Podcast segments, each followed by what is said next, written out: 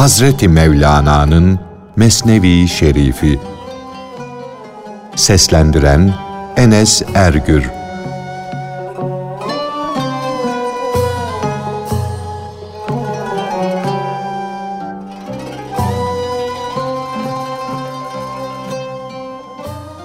Dakuki Hazretlerinin yedilere imam oluşu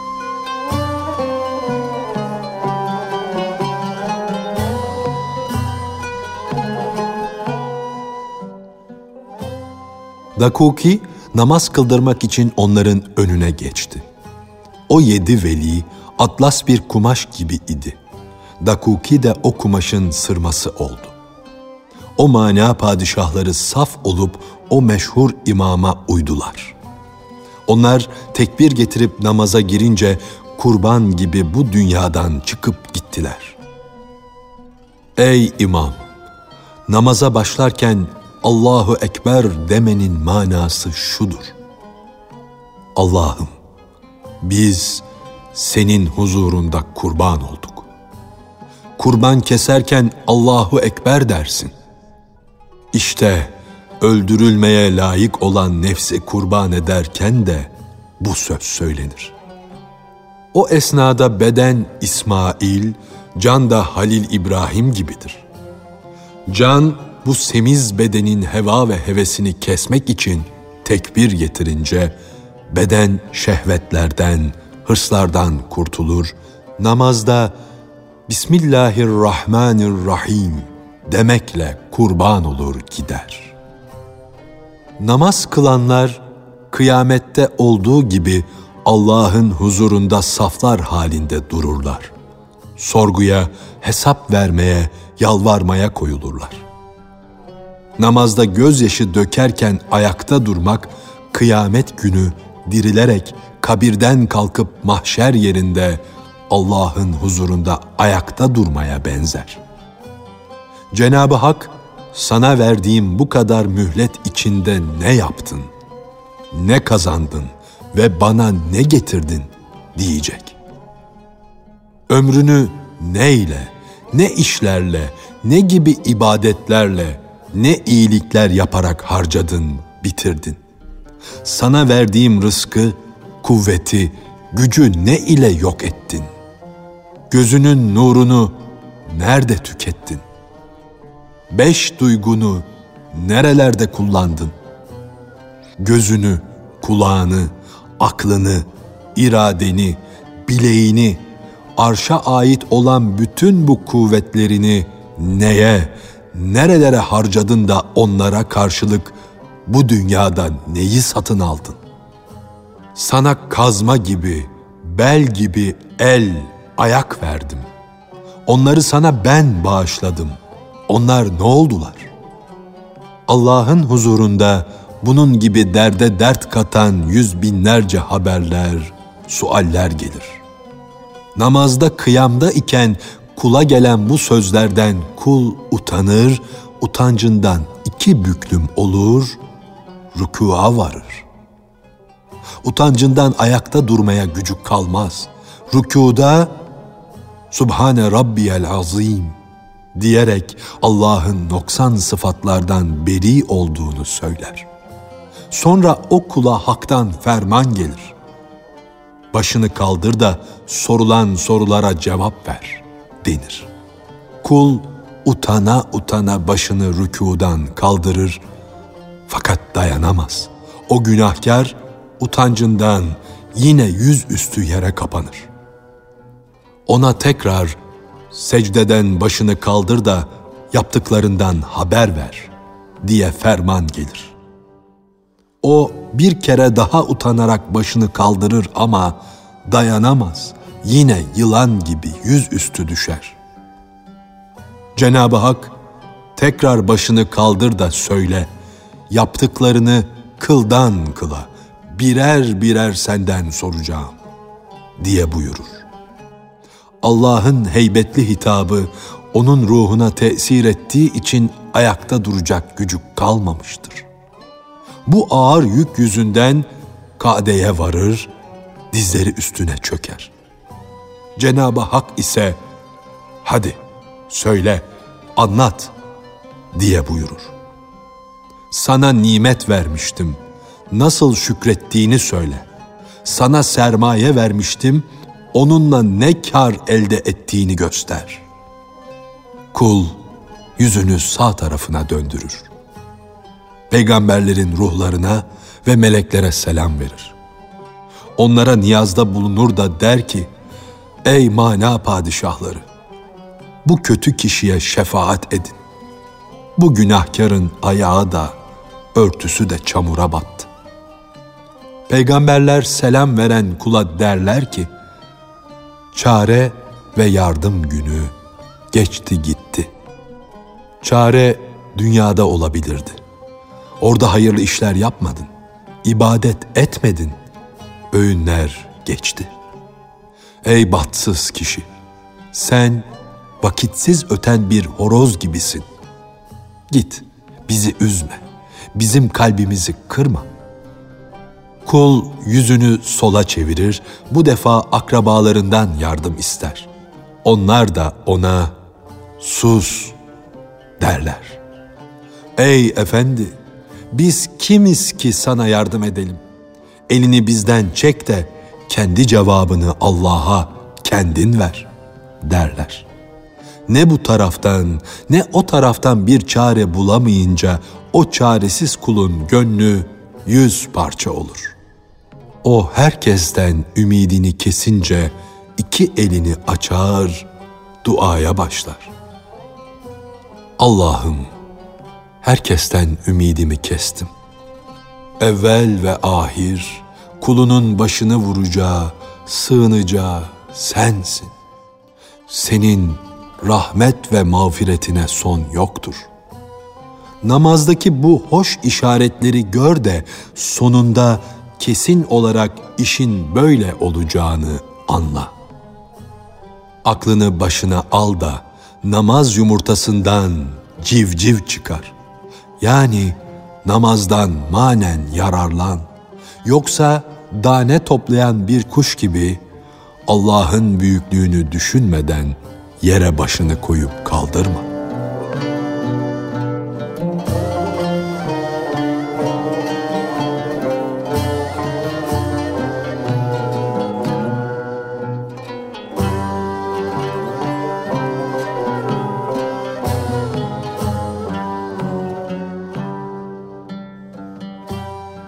Bilgisizin sonunda göreceğini akıllı önceden görür.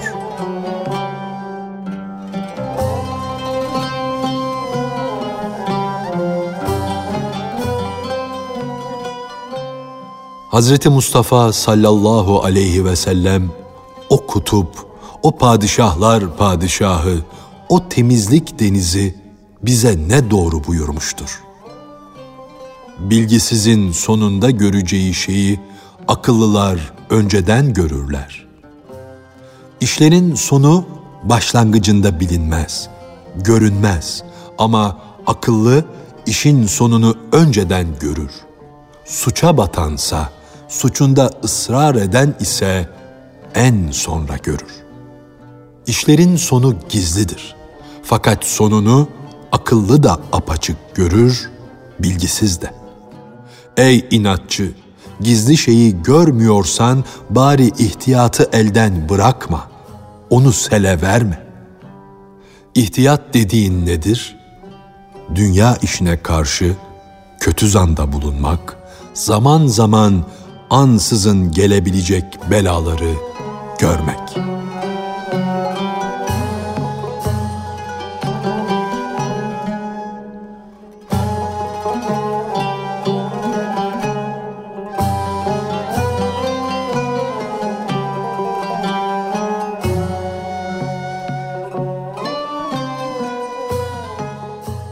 İhtiyatlı kişinin düşünceleri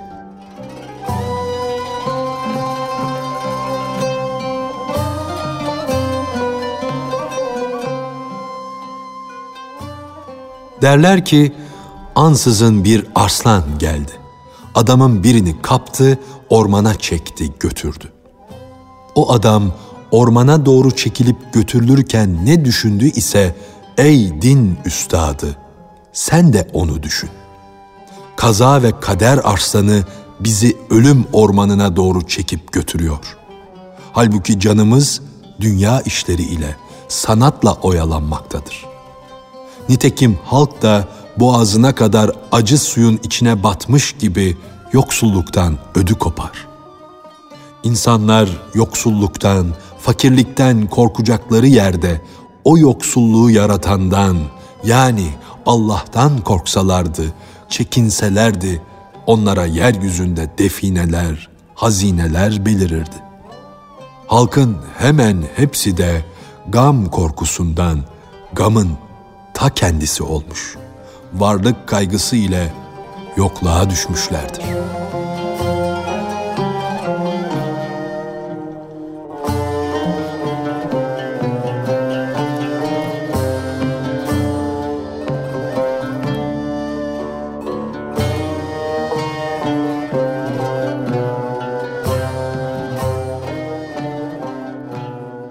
Kendinde olmaksızın edilen dua bambaşkadır.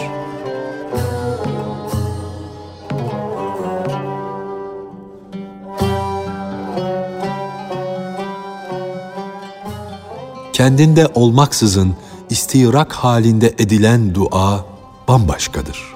O dua, dua edenin kendinden değildir. Kendinde bulunanın duasıdır. Daha doğrusu o dua, gönülde bulunan Hakk'ın sözleridir. Aslında o duayı Allah etmektedir. Çünkü dua eden kul kendinde olmadığı için aradan çıkmıştır. O dua da Allah'tandır, kabul edilişi de Allah'tandır. Kendinde olmaksızın edilen duada kul aradan çıktığı için artık mahluk vasıta değildir. Bu yüzdendir ki bu yalvarıştan bedenin de haberi yoktur, ruhun da haberi yoktur. Allah'ın has kulları merhametli ve halimdirler. İşleri düzeltmekte ilahi ahlaka sahiptirler. Onlar şiddet zamanlarında çok zor olan devrelerde, sıkıntılı vakitlerde rüşvet almaksızın insanlara acırlar, yardım ederler. Hadi ey belalara uğrayan kişi Allah'ın bu has kullarını ara. Daha büyük felaketler gelip çatmadan onları bul. Bu buluşmayı kendine bir ganimet bil, bir kazanç say.''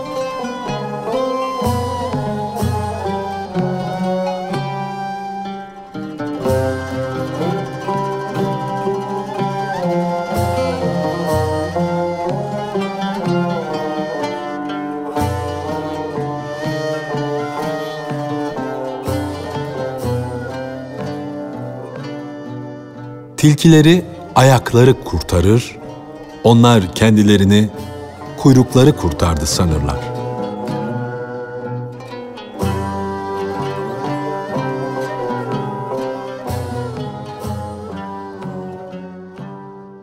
Avda tilkileri ayakları kaçırır, kurtarır. Onlar aldanırlar da kendilerini kuyrukları kurtardı sanırlar. İnlerine giderler de canımızı bu kurtardı diye kuyruklarını severler. Kuyrukları ile oynarlar. Ey tilki, ayağını taştan ve kesikten koru. Ey aç gözlü, ayak olmayınca kuyruğun ne faydası var? Biz de tilkilere benzeriz. Veliler ise bizi yüzlerce kötülüklerden, intikamlardan kurtaran ayaklar durumundadırlar.'' Kurnazlıklarımız, hilelerimiz ise kuyruğumuza benzer. Sola sağa döner, kuyruklarımızla oynar dururuz. Zeyd ile Bekir şaşırsın, kalsın diye deliller getirmeye uğraşırız, hilelere başvururuz. Böylece kuyruğumuzu sallarız. Halkın bize, bizim işlerimize şaşırıp kalmasını isteriz. Hatta tama elimizi Allah'lık sevdasına bile atarız. Böylece efsunlar okuyarak yani bilgiçlik taslayarak gönüller elde edelim deriz de kendimizin çukura düştüğümüzü hiç görmeyiz. Ey kaltaban, sen nefsine uymuşsun, aşağılara düşmüşsün, günah kuyusundasın. Başkalarını irşat sevdasından vazgeç de kendi kusurlarını gör. Kendini ıslah et, kendini düzelt. Günah kuyusundan kurtulup da güzel, hoş bir bahçeye varabilirsen, o vakit başkalarının eteğinden tut. Onları da senin bulunduğun yere çek, kurtar. Ey dört unsurun, beş hissin, altı yönün, yani tabiat aleminin esiri. Sen bulunduğun yeri pek sevmişsin. Başkalarını da oraya çekip almak istiyorsun. Ey eşeğe kul olan eşekçi gibi eşeğin ardına dost olmuş kişi. Güzel öpülecek bir yer bulmuşsun. Bizi de oraya götür. Madem ki dostunun yani hakkın kulluğu sana nasip olmadı, şahlığa meyletmen nereden çıktı? Halkın sana ne de hoş ne de üstün bir kişi demesini istiyorsun.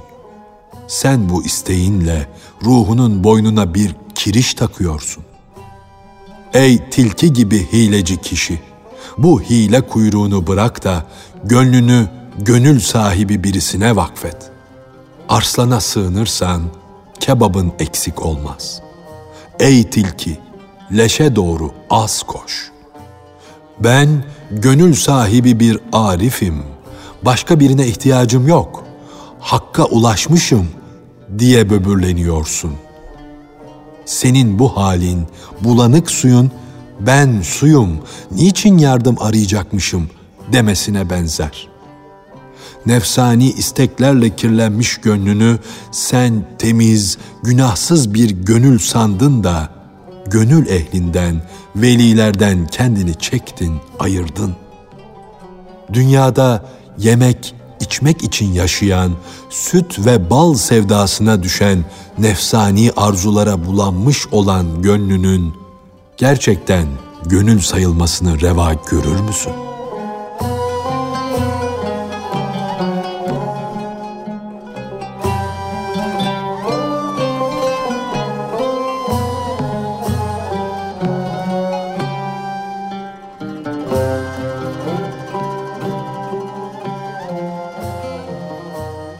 Cenab-ı Hak biz daima gönüle bakarız diye buyurdu.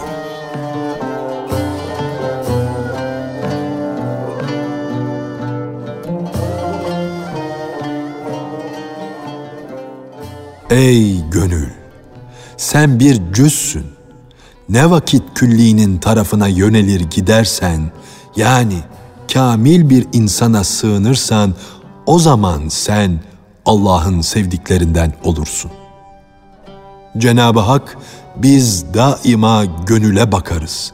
Su ve çamurdan ibaret olan surete, şekle değil diye buyurdu. Sen bende de gönül var diyorsun. Diyorsun ama gönül arşın üzerinde olur. Halbuki sen aşağılardasın. Aşağılıklarda bulunmadasın. Kara balçıkta da su bulunduğunu herkes bilir. Fakat o su ile abdest alınmaz ki. Balçığın içinde su vardır. Vardır ama o balçağa yenilmiş, balçıkta kaybolmuştur. Sen de gönlüne bu da gönüldür diyemezsin. Çünkü senin gönlün de kirli emellere, şehvete, hiddete, mevki hırsına, dünya isteklerine mağlup olmuş, onlar arasında kaybolup gitmiştir göklerden de üstün olan gönül abdalın yahut peygamberlerin gönülleridir. Onların gönülleri çamurdan yani kirli isteklerden, günahlardan arınmış, temizlenmiş, saf bir hal almıştır. Manevi neşeleri arttıkça artmış, coşmuştur. Her iyi işe yarar olmuştur. Çünkü onlar balçığı bırakmışlar, tertemiz bir hal almışlar, gelmişler ve hiddet denizine kavuşmuşlar, böylece balçık zindanından kurtulmuşlar, hakkın denizine karışmışlardır.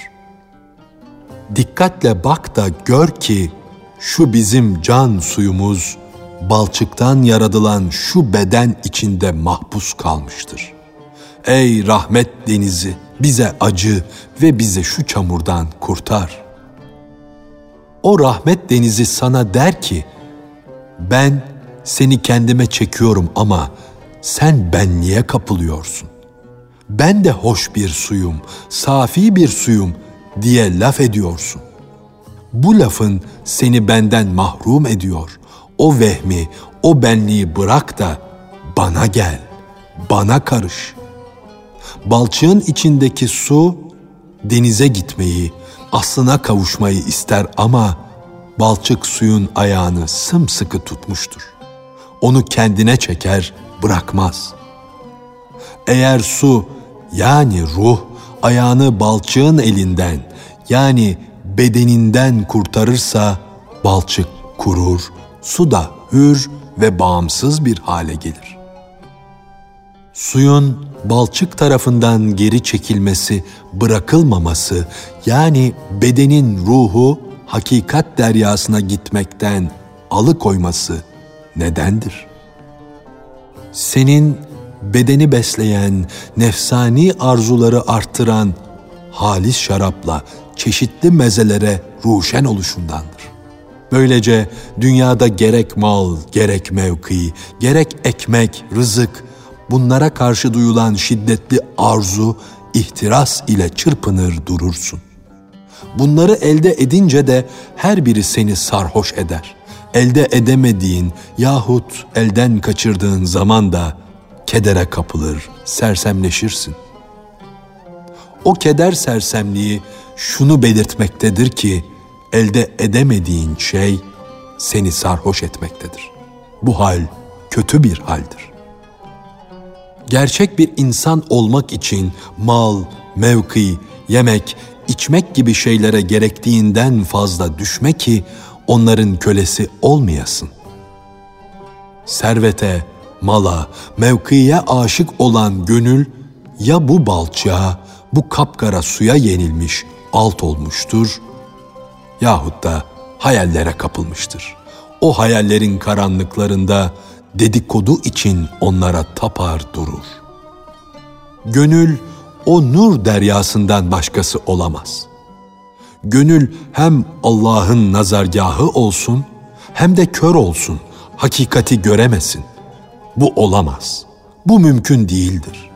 Allah'ın nazargahı olan gönül, yüz binlerce uyanık, ileri giden yahut gafletten geri kalan kişilerdeki gönül değildir. O gönül bir tek üstün olan kişide bulunur. O hangi mutlu kişidir? Hangi mutlu kişi? Sen sendeki gönül kırıntısını bırak da asıl sağlam bir gönül ara. Ara da sendeki kırıntı da onun himmeti ile dağ gibi olsun.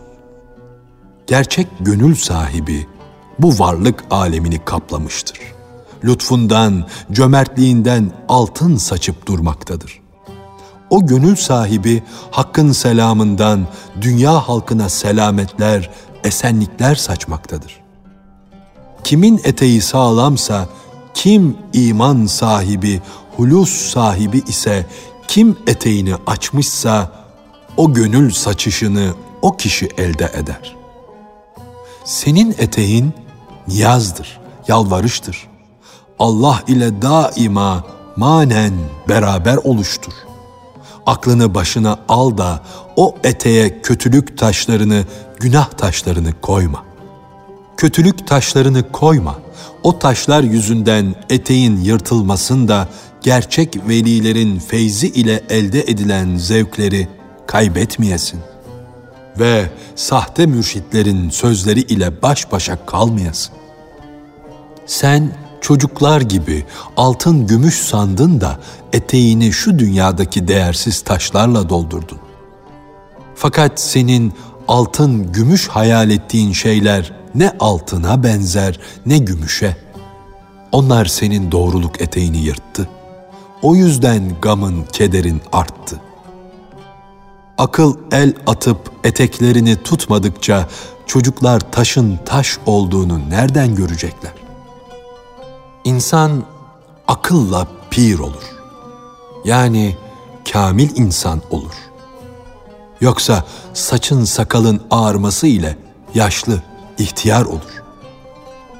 Pirlik ezeli bir tali eseridir. Bunun saçla ilgisi yoktur.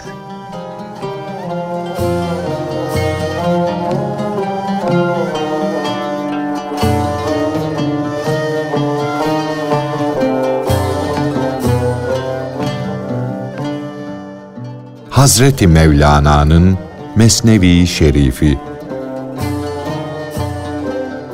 Seslendiren Enes Ergür